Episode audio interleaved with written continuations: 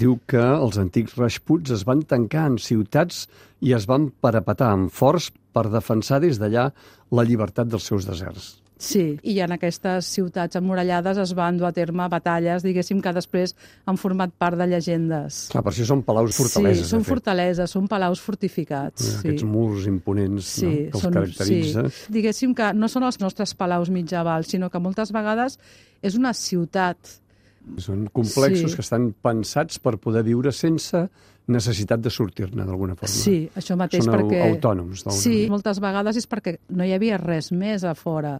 Sobretot el Rajasthan és tota una zona desèrtica. Tampoc hi havia molta més vida a l'exterior, no? Llavors tot es concentra dins de les muralles. Udaipur és una ciutat meravellosa, Sí.